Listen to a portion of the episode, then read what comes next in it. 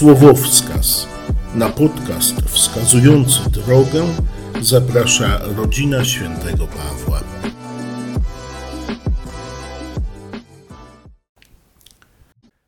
Rzekł do mnie, synu człowieczy, wstań, będę do ciebie mówił. Gdy to powiedział, wstąpił we mnie duch, postawił mnie na nogi i słyszałem tego, który mówił do mnie. Powiedział mi, Synu człowieczy, posyłam cię do Izraelitów, do ludu buntowników, którzy wystąpili przeciwko mnie. Oni i ich ojcowie sprzeniewierzali się mi aż po dzień dzisiejszy. Są oni synami o zuchwałym obliczu i zatwardziałym sercu. Posyłam cię do nich, abyś im powiedział, tak mówi Pan Bóg. Oni zaś, czy usłuchają, czy nie, są bowiem narodem buntowniczym, będą wiedzieli, że jest wśród nich prorok. Ty zaś, synu człowieczy, nie bój się ich i nie lękaj się ich słów. Chociażby cię otaczali szydercy i pyszałkowie, i chociażbyś siedział na skorpionach. Nie bój się ich, i niech cię nie zrażają ich słowa, bo są oni narodem buntowniczym. Będziesz im mówił moje słowa, czy usłuchają, czy nie, są bowiem zbuntowani. Ty zaś, synu człowieczy, słuchaj tego, co ja mówię do ciebie, i nie bądź buntownikiem, jak ten naród buntowników otwórz swoje usta i zjedz, co ci podam.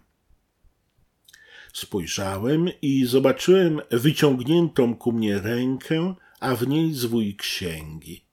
A gdy go rozwinął przede mną, widziałem, że był on zapisany z obu stron.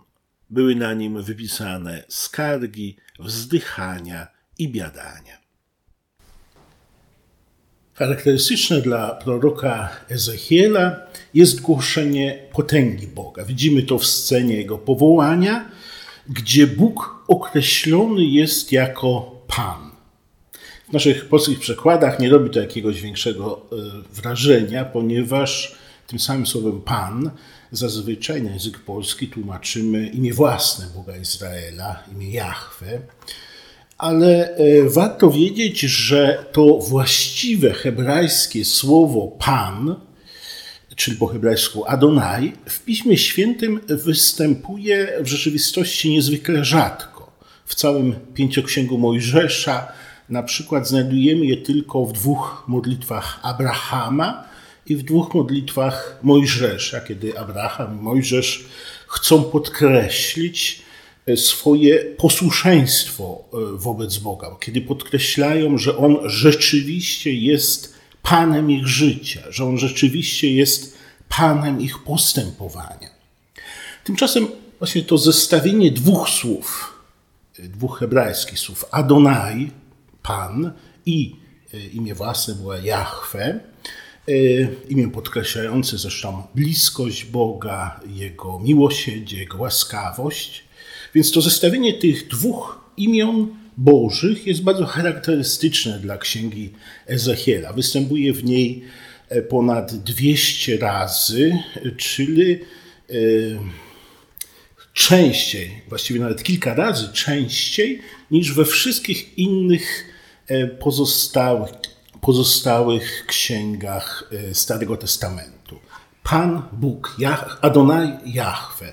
To jest właśnie ten termin, który y, często pojawia się właśnie w tej księdze. Dlaczego prorok Ezechiel tak bardzo podkreśla y, moc i panowanie Boga? Dlaczego y, tak bardzo właśnie podkreśla, że Bóg jest Panem? Otóż Ezechiel rozpoczyna swoją działalność między pierwszym złupieniem Jerozolimy przez babilońskie wojska pod wodzą króla Nabucho, e, Nabuch, Nabuchodonozora w 597 roku przed Chrystusem, a ostatecznym upadkiem Jerozolimy, które który nastąpi 11 lat później, kiedy miasto zostanie w dużej mierze zniszczone, pozbawione swoich murów i swoich mieszkańców.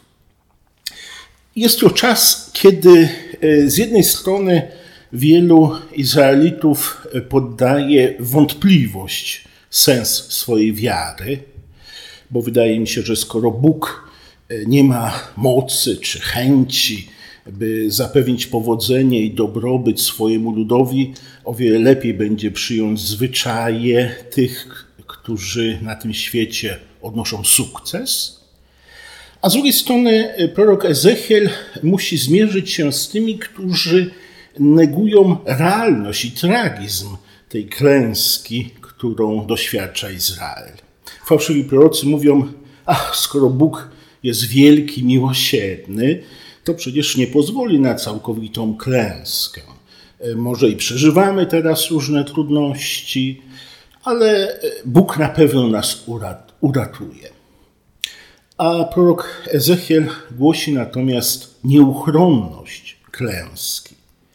Nie dlatego, że Bóg jest słaby, nie potrafi nas ocalić, ale dlatego, że Bóg nie może błogosławić i brać w obronę tych, którzy dopuszczają się przemocy, którzy wyzyskują biednych i naiwnych, którzy kłamią, którzy lekceważą wszelkie boskie i ludzkie prawa. Moc Boża objawi się w życiu Jego ludu, ale najpierw ten lud musi doświadczyć klęski, e, ponieważ przede wszystkim w swoim własnym, codziennym życiu ten lud zapomina o tym, że Bóg jest Panem. Żyje nie licząc się z Bożą wolą. Żyje zapominając o sprawiedliwości, o uczciwości, o miłosierdziu. Jak więc może doświadczyć, że Bóg jest Panem? Przede wszystkim właśnie uznając Go za Pana, uznając Go za Pana w swoim własnym życiu. A Bóg ma moc, aby na nowo przywrócić nas do życia.